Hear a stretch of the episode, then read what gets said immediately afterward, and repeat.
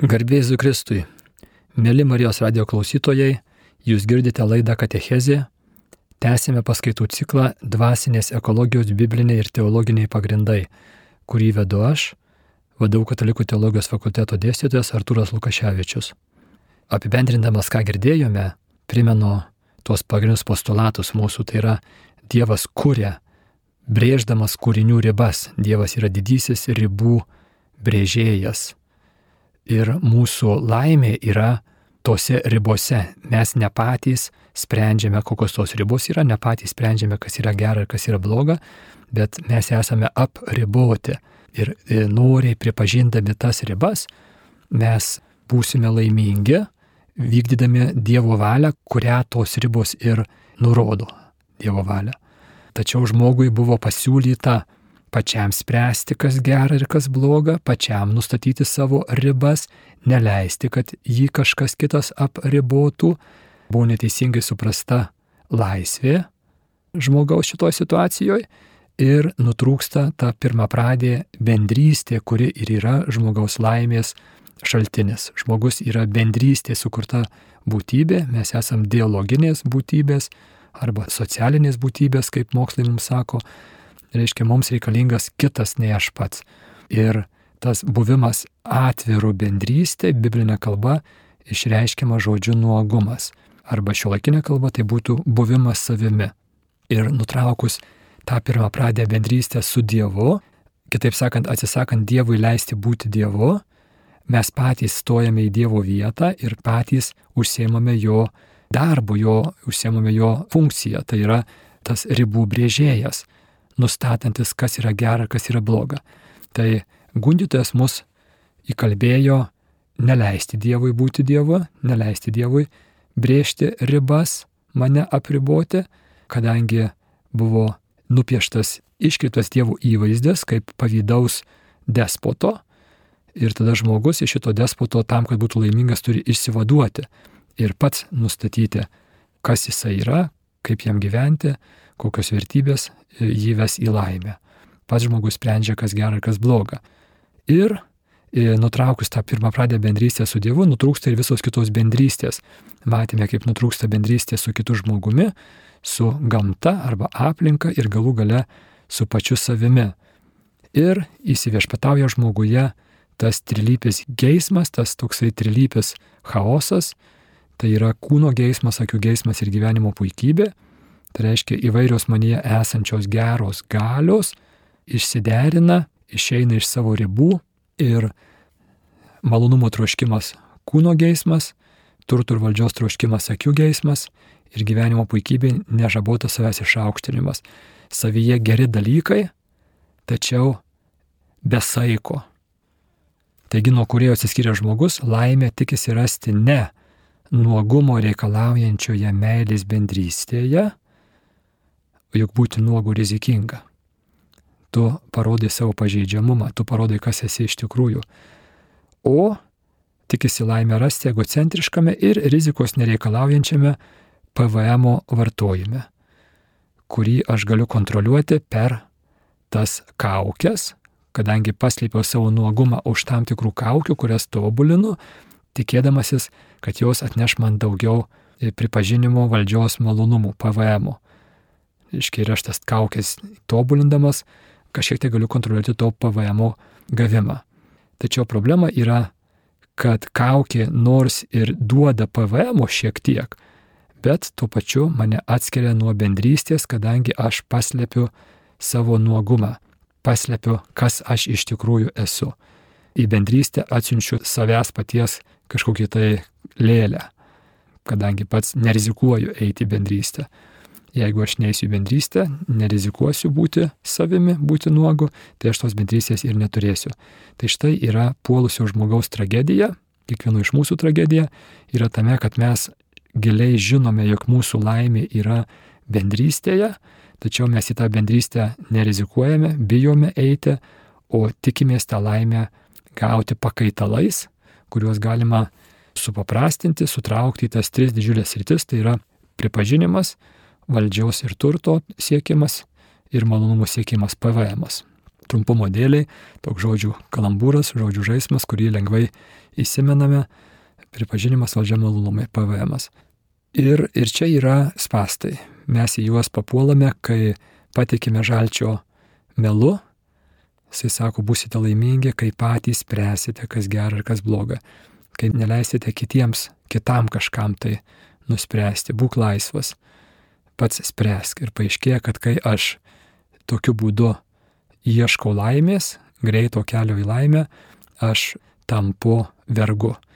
Manyje didėja vidinis nelaisvumas ir galų gale aš lyg tai darydamas tai, ką noriu, iš tikrųjų esu savo paties sutrikusio vidinio dvasinio organizmo, sielos vergu.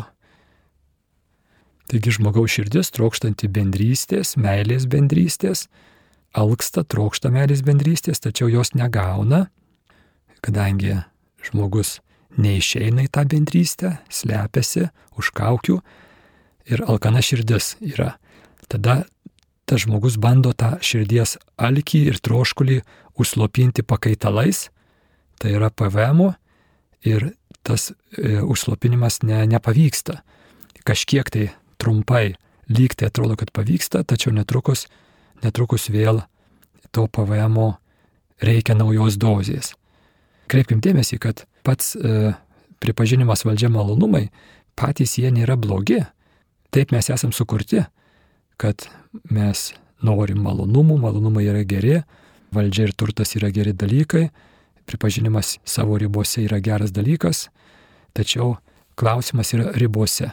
Kiek, kokio kiekio reikia. Ir kadangi žmogus ribotų PVM, ribotų pripažinimo valdžia malonumais bando užpildyti begalinį meilės ruškimą, to PVM bus nuolat negana. Ir todėl žmogus bus linkęs pažeidinėti kuriejų nubrėžtas ribas, kiekiu ir dažnumu. Vis daugiau norėsis, vis labiau norėsis, kadangi PVM gavimas duoda tam tikrą pasitenkinimo dozę, tai norisi tą dozę pakartoti. Bet kadangi tas poveikis greitai praeina, tada reikia stiprinti, da, dažninti tą kiekį pripažinimo valdžios malonumų. Ir štai mes papuolame į tam tikrą dinamiką, kurią galime pažymėti tokiais trim etapais. Tai yra ribų peržengimas kaip veiksmas. Mes krikščionys jį vadiname nuodėmė. Tai reiškia, žmogus peržengia ribas, kur jau nubrėžtas, siekdamas laimės. Kreipkim dėmesio, kad, kad žmogus visą laiką siekia laimės. Ar jisai darytų gerus dalykus, ar jisai darytų blogus dalykus, jisai siekia laimės. Tik tai nusidėlis, vagis vagia ne todėl, kad vokti yra blogai, o todėl, kad pavoktas daiktas yra geras.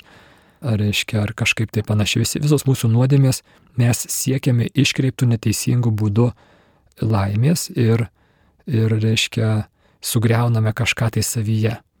Tada kartojamas ribų peržengimo veiksmas, tai yra nuodėmė, perauga į įprotį, peržengianti ribas, kurį mes vadiname įda, tą įprotį, ir tada ribų peržengimo įprotis veda į poreikį perženginėti ribas, kurį mes vadiname priklausomybę.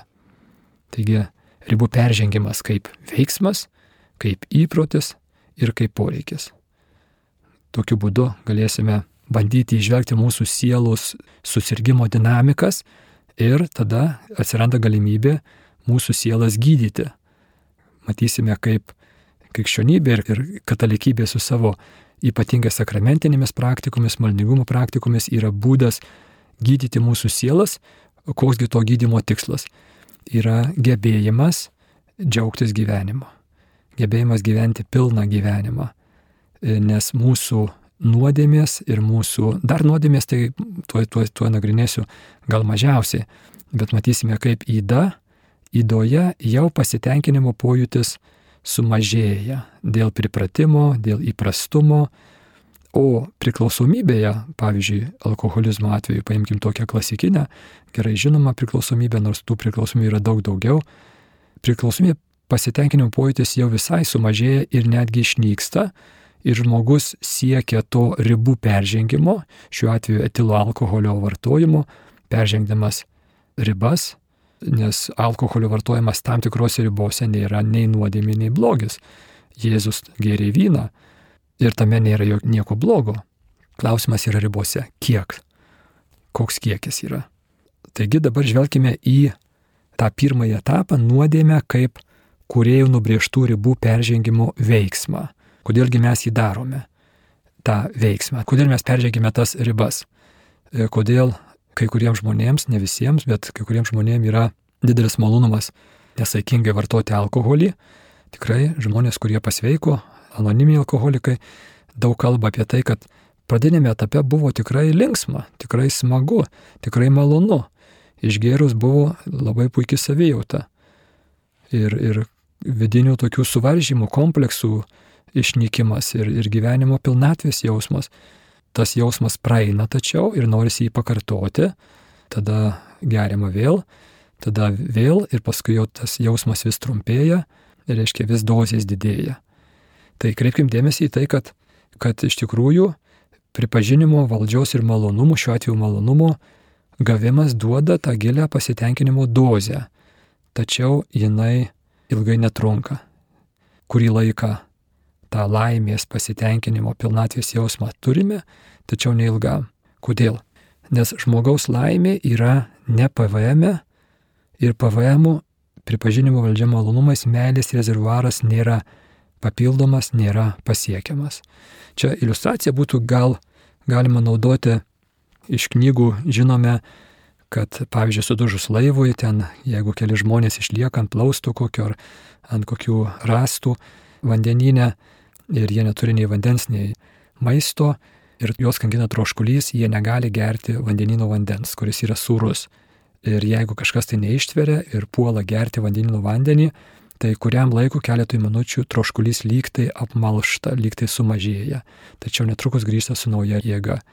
Tai va čia būtų galbūt gera iliustracija, reiškia mūsų bendrai tendencijai bandyti nuslopinti laimės troškimą, pripažinimo valdžios ir malonumų kiekio didinimu, kuriam laikui lygtai apmažėja tas troškulys, lygtai laimės jausmas atsiranda, tačiau jisai ilgai netrunka ir netrukus vėl iš naujo tas troškulys sugrįžta su nauja dar didesnė jėga. Taigi, nuodėmė iš tikrųjų duoda tam tikrą pasitenkinimo injekciją. Toks žodžių kalambūras, žodžių žaidimas, posakis yra nuodėmiai daug žada, šiek tiek duoda, bet galiausiai viską atima. Ir tikrai, jeigu atidžiau pažiūrėsime į mūsų pačių patirtis, matysime, kad žada tikrai daug. Dabar ar duoda? Nu, būtų tikrai net neteisinga sakyti, kad nieko neduoda. Šiek tiek duoda, bet mažiau negu žadėjo. O galiausiai viską atima. Galime prisiminti gal tokias ne, nebūtinai nuodėmingas patirtis, bet pavyzdžiui, kokį naujo daikto įsigijimo malonumą. Ir kai kurie žmonės turi tokį stiproką, aš pats galiu prisiminti iš kokių mobilių telefonų įsigijimo, kai, reiškia, baigėsi du metų planas ir dabar jau mažiau, bet anksčiau aš būdavau papuolu į tokį keletų dienų išprotėjimo laikotarpį, kai ieškausi naujo modelio ir naujo plano ir lyginu ir, reiškia, tenai be galo laiko sunaudoju tam, tada bėgu greitai į tą punktą, kuriame tas modeliukas yra, įsigyju ir paskui, sakant, ir viskas turi baigėsi. Atsidarai čia tiesiog telefonas, kuris gali paskambinti, atlikti tas pagrindinės funkcijas ir tikrai buvo investicija daug didesnė negu, negu rezultatas. Tai jaučiam tą nusivylimą labai dažnai, kai perrinkta investicija į daiktą ar, reiškia, į kažką tai kitą duoda rezultatus, kurie gerokai mažesni. Galim, pavyzdžiui, prisiminti atvejus, kur, kur užsisėdėjom prie interneto ir nebūtinai, kad ten kažką tai blogo darėm, bet tiesiog, reiškia, tas negebėjimas atsitraukti ir tas vis naujo dirgiklio, naujo YouTube'inio filmuko, naujo Facebook'o, reiškia, ten kokios tai žinutės. Ir paskui jauti, kaip jau pavargęs esi, reiktų įeit miegot, ar ką, bet dar, dar, dar tas dirgiklis, jis kažką tai duoda, daug, daug žada, kažką tai duoda, nes jeigu neduotų, tai tada aš nesėdėčiau prie to interneto. Tai tas, tas reiškia tas ribų peržengimas. Facebookas nėra blogas dalykas, bet turi savo ribas. Tačiau aš esu linkęs užsikabinti ir iš jo bandyti išgauti daugiau negu jisai gali duoti. Taigi nuodėmė daug žada, šiek tiek duoda, galiausiai viską atima. Čia būtų galima prisiminti klasikinę pasaką, daugumą esate girdėję ir, ir galbūt savo vaikam, anūkams skaitę puikiai tikrai labai, labai gilios išminties pilna pasaka apie Pinokį. Karlo Kolodžio pasaka, jeigu turite galimybę, aš labai rekomenduočiau ją patiems skaityti ir duoti, duoti kitiems skaityti tikrai esminiai mūsų gyvenimo dalykai tenais yra visa išganimo istorija. Prisimenat ją trumpai siužetą priminsiu. Iškia geraširdis medinukas, Pinokis savo tėvelio e, džepeto išdroštas iš medinės pliauskos, e, geriausių norų vedamas, keliauja į mokyklą tam, kad išsilavintų ir galėtų užsidirbti pinigų ir nupirkti savo tėveliui švarką, kurį paskutinį švarką jisai pardavė tam, kad galėtų nupirkti elementorių knygą Pinokiui į mokyklą eiti. Pakeliu jisai patiria tam tikrų nuotikių, jų pasiekoje turi penkis auksinius pinigėlius ir štai netoli mokyklos jisai sutinka du tokius, nu, keliautojus, du tokius praeivius - Katiną ir Lapiną. Ir Katinas ir Lapinas kalbina Pinokį. Pinokį, kur tu eini? Į mokyklą eini oi ne, Pinokį, čia ne tas kelias, čia, čia ne kelias į laimę. Štai žiūrėk, aš ėjau į mokyklą, vienas Katinas aklas, Lapinas lošas, ne, ne, ne, Pinokį. O ką tu čia turi? Ai, turi penkis auksinius pinigėlius. Aha, Pinokį, ar tu žinai, kad čia netoliese yra kvailių šalis, kurioje yra stebuklų laukas? Užkasus penkis auksinius pinigėlius stebuklų lauke, Per naktį išauga medelis apkibęs tūkstančiais auksinių pinigėlių. Ką ten tūkstančiais? Dešimtim tūkstančių auksinių pinigėlių. Kaip tu manai, Pinokė? Ir Pinokės tuoj pat atsako. Iškart keliaukime tenais.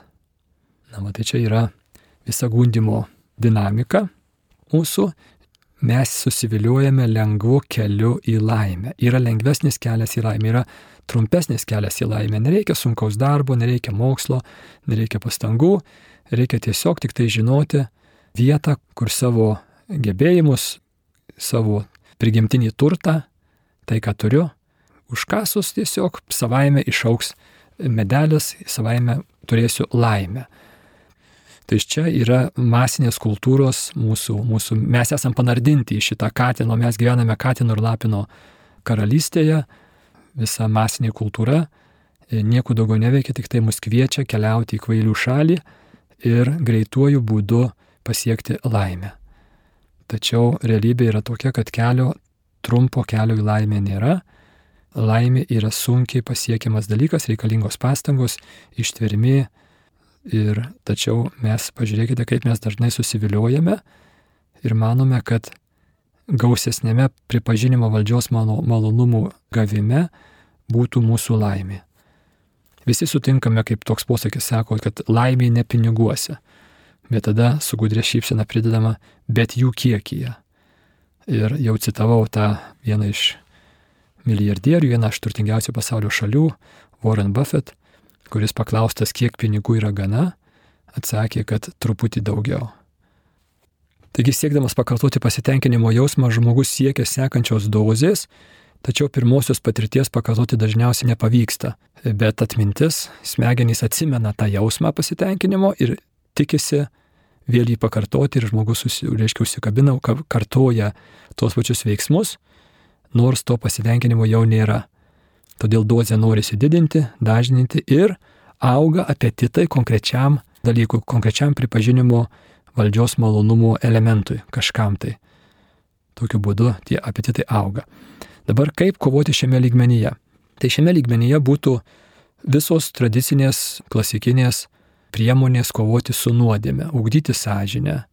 Pirmiausiai, per sąžinę prigimtinės moralės įstatymas nurodo ribas mano veiksmams. Stebėkime, tą darydamas aš iš karto jau Dievui leidžiu būti Dievu aš ne pats sprendžiu, kas yra man gera ir bloga. Aš ne pats sprendžiu, kas mane padarys laimingą, o aš leidžiu Dievui, veikiančiam, kalbančiam per prigimtinį moralinį įstatymą ir per mano sąžinę, kuri atspindi tą įstatymą, man prabilti ir aš pasiryžęs jam paklusti. Tada savo proto ir valios pastangomis atsisakau veiksmų peržengiančių šias ribas, ugdausi charakterį, bandau atpažinti savo neteisingus apetitus ir su jais kovoti. Išpažintis, sąžinė sąskaita būtų tinkami būdai kovoti šiame lygmenyje. kol kas dar ta kova pakankamai nesunki.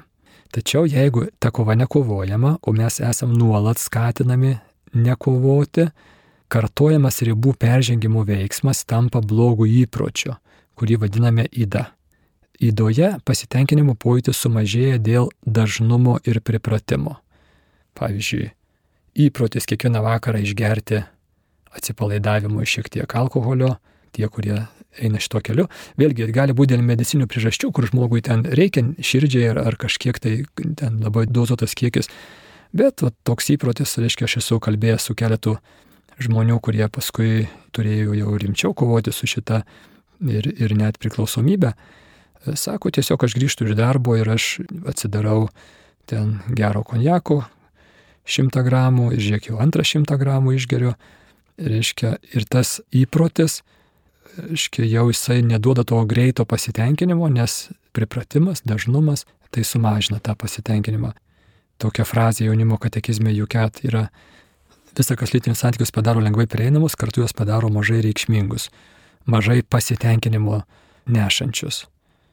Polinkis ieškoti pasitenkinimo jausmų nesaikingame pripažinimo valdžios malonumų ieškojime, vartojime sudaro palankę terpę manyje formuotis kitoms įdoms ir netvarkingiems prisirišimams.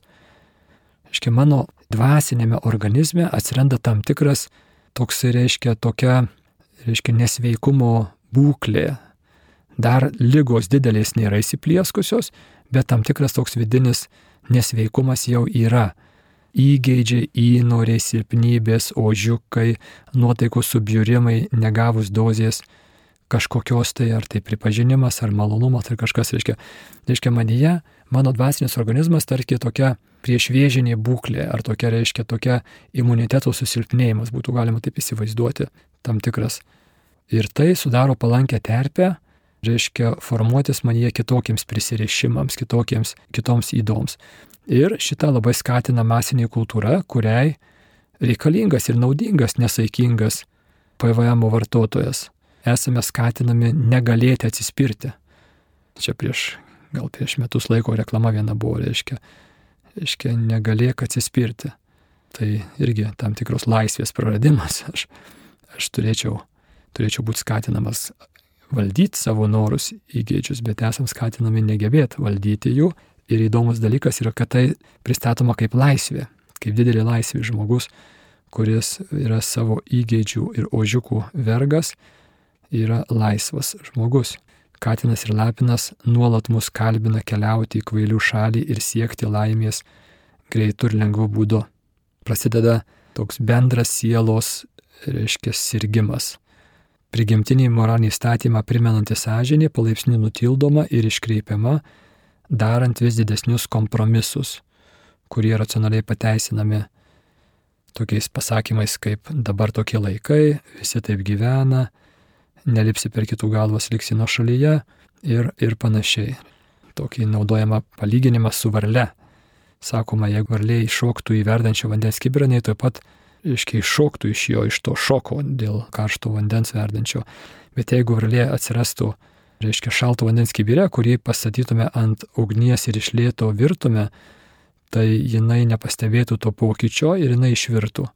Tai štai tas mūsų sąžinės iškreiptumas palaipsniui didėdamas, tarsi nutildoma mano sielos organizmo gynybinė sistema, kuri signalizuoja pavojų ir, reiškia, vyksta, kaip kalbėjome prieš porą mėnesių, temoje apie sąžinę įvyksta tas žmogaus vidinis apmirimas. Žmogus tampa neįgalus adekvačiai reaguoti į realybę.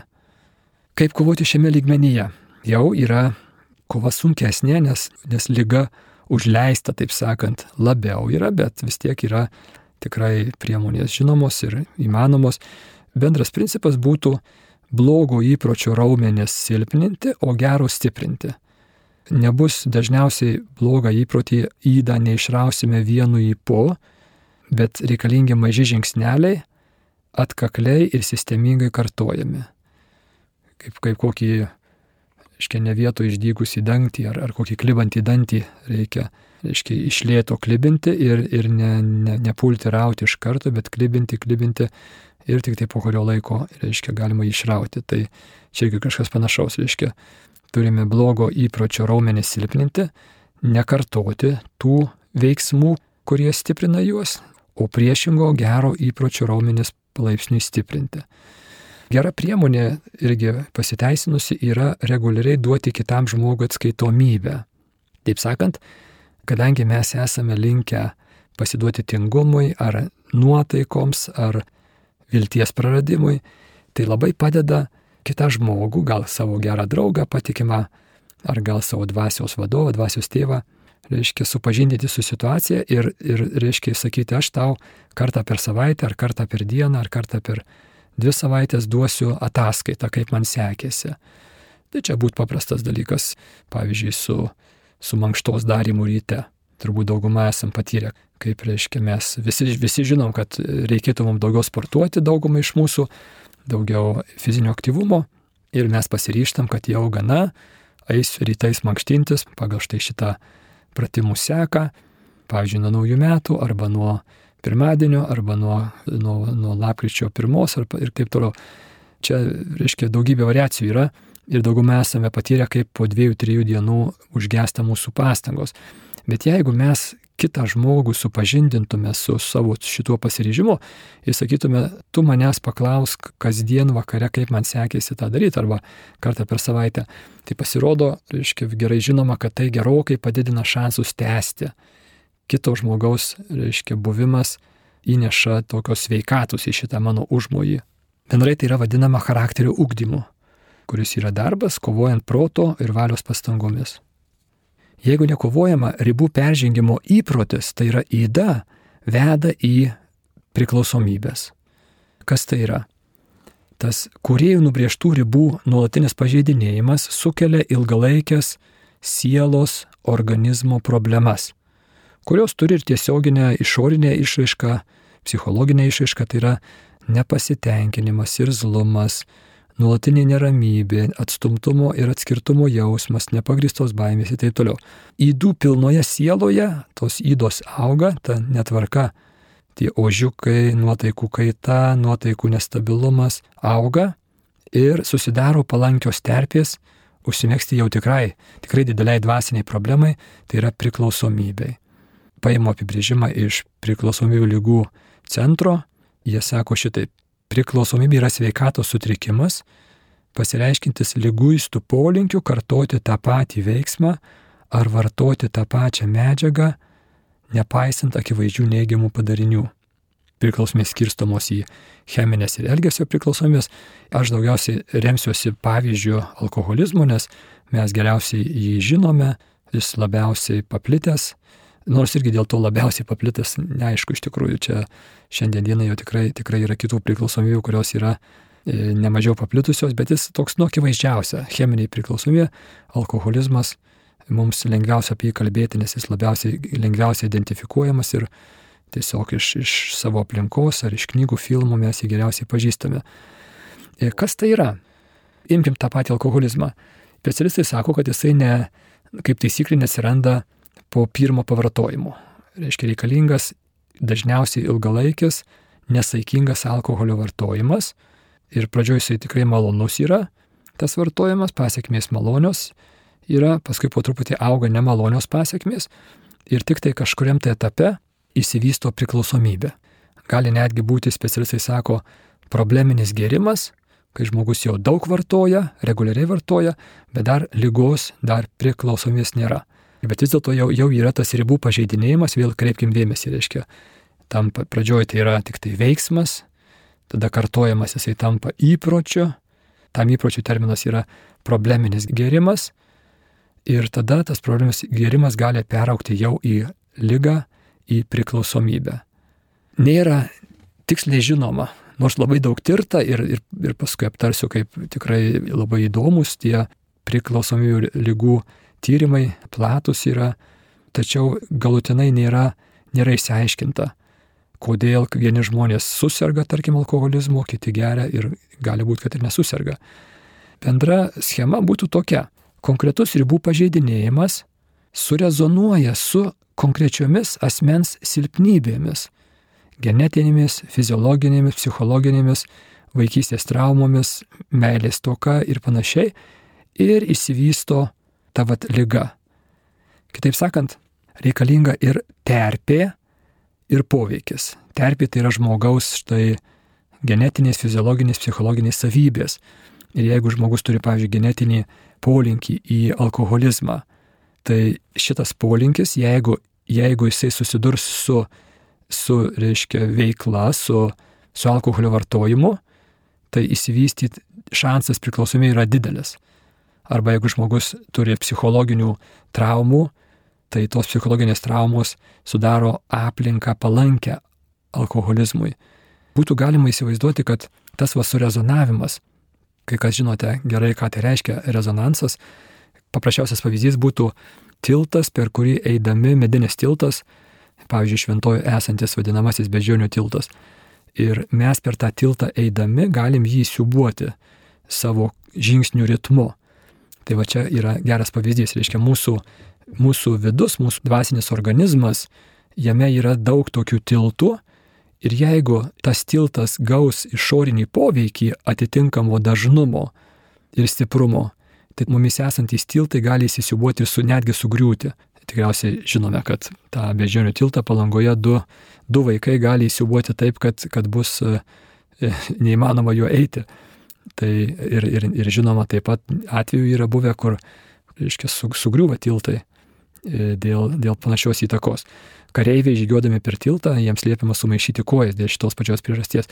Reiškia, kad nevyktų tas rezonansas. Reiškia, to tilto vidinis turimas siubavimo dažnumas, vyravimų dažnis, jeigu sutampa su tuo pridėta jėga, šiuo atveju kojų dažnumas, kojų trepsenimas, tai jisai gali įsisiubuoti. Panašiai kaip supinės, įsupti galime, reiškia, pridėdami, kad ir nedidelę jėgą, pastumdami truputėlį supinės, bet reikiamų momentų, reikiamų dažnumu jas pastumti, mes galime jas tiek įsupti, kad, reiškia, bus jau net ir pavojinga.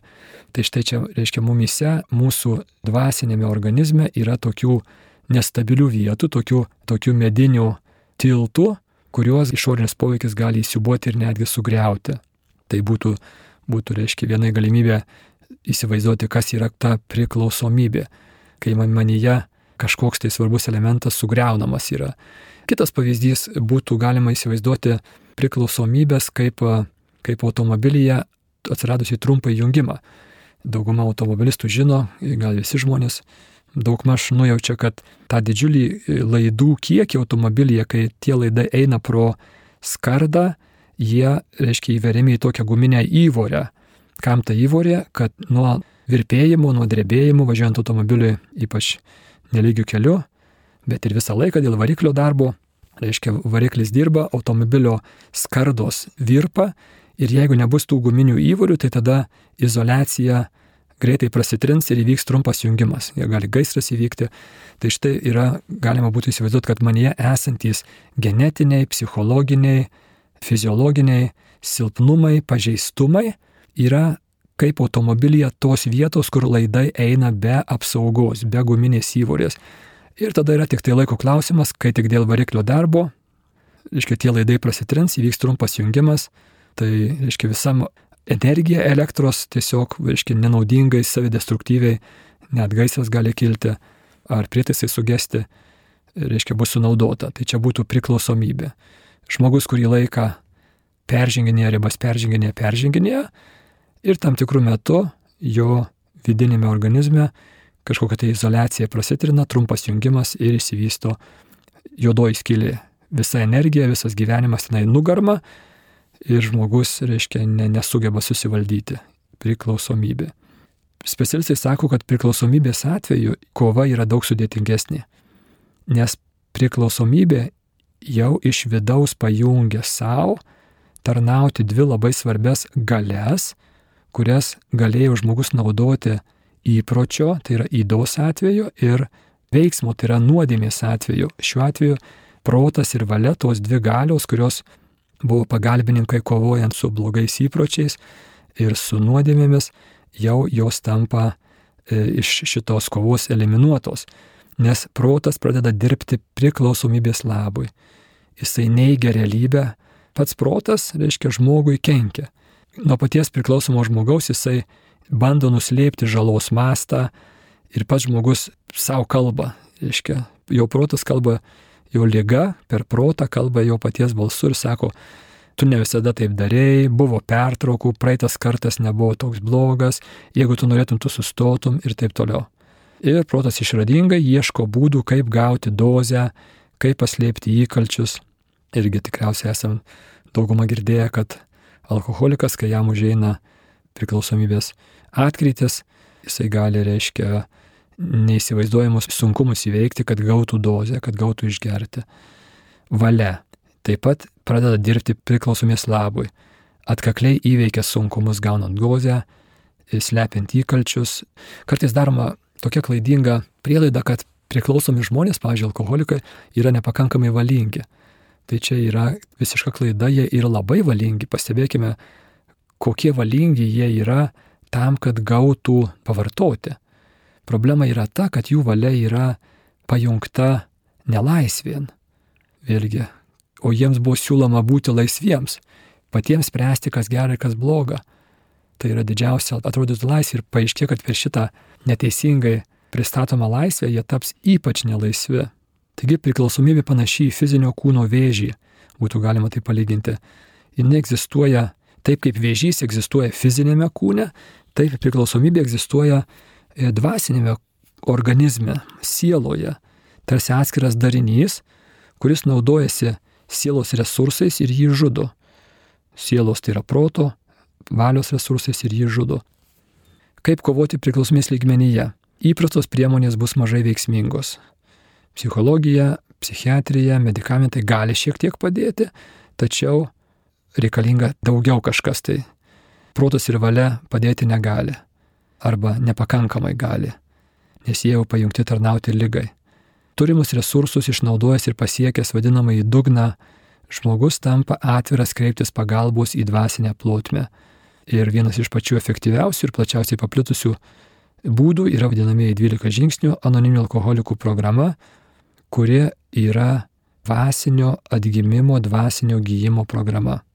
Ja aptarsime ateinančiuose susitikimuose Jūs girdėjote laidą Katechezė, kurią vedžiau aš, vadau Katalikų teologijos fakulteto dėstytojas Artūras Lukaševičius.